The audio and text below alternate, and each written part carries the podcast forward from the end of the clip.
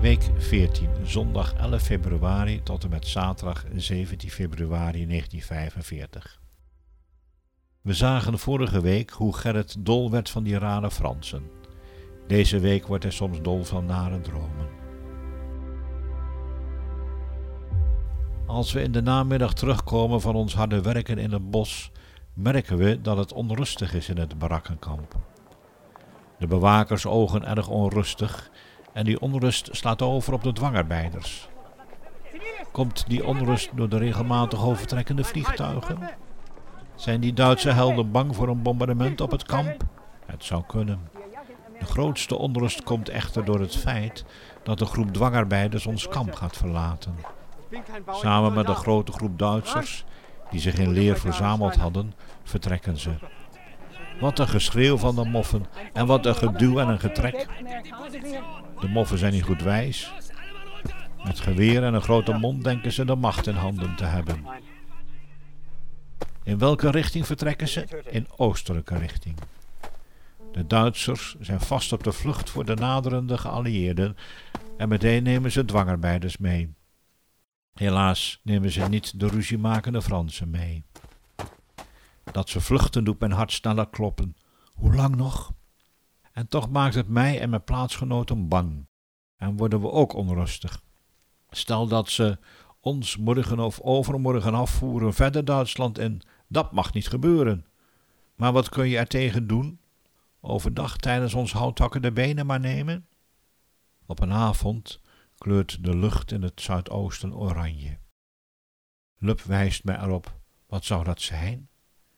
Is de maan soms oranje-rood? Nee, dat kan niet, want die is nauwelijks te zien. Beiden speculeren we wat het kan zijn. Maar dan weten we het.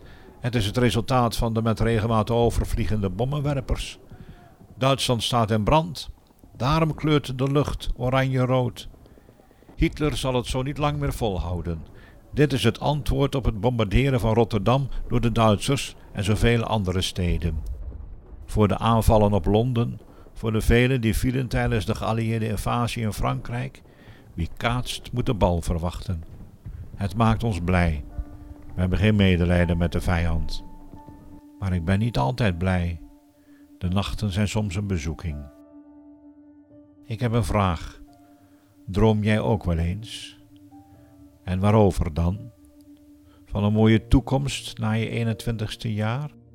Van je lieve man of vrouw? Van je leuke vriendin? Of droom je van een pracht van een baan waarin je goed verdient?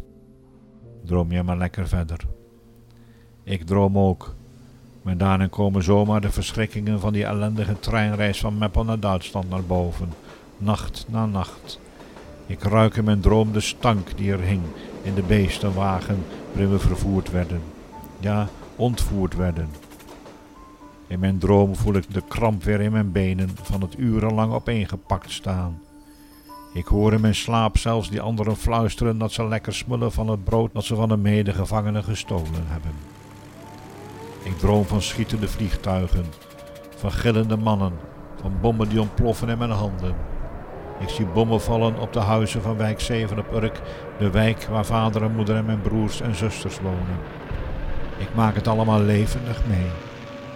Nachtmerries verstoren mijn nachtrust. Dromen jullie maar lekker verder. Ik heb mijn eigen droom. En het gevolg is dat ik moe wakker word.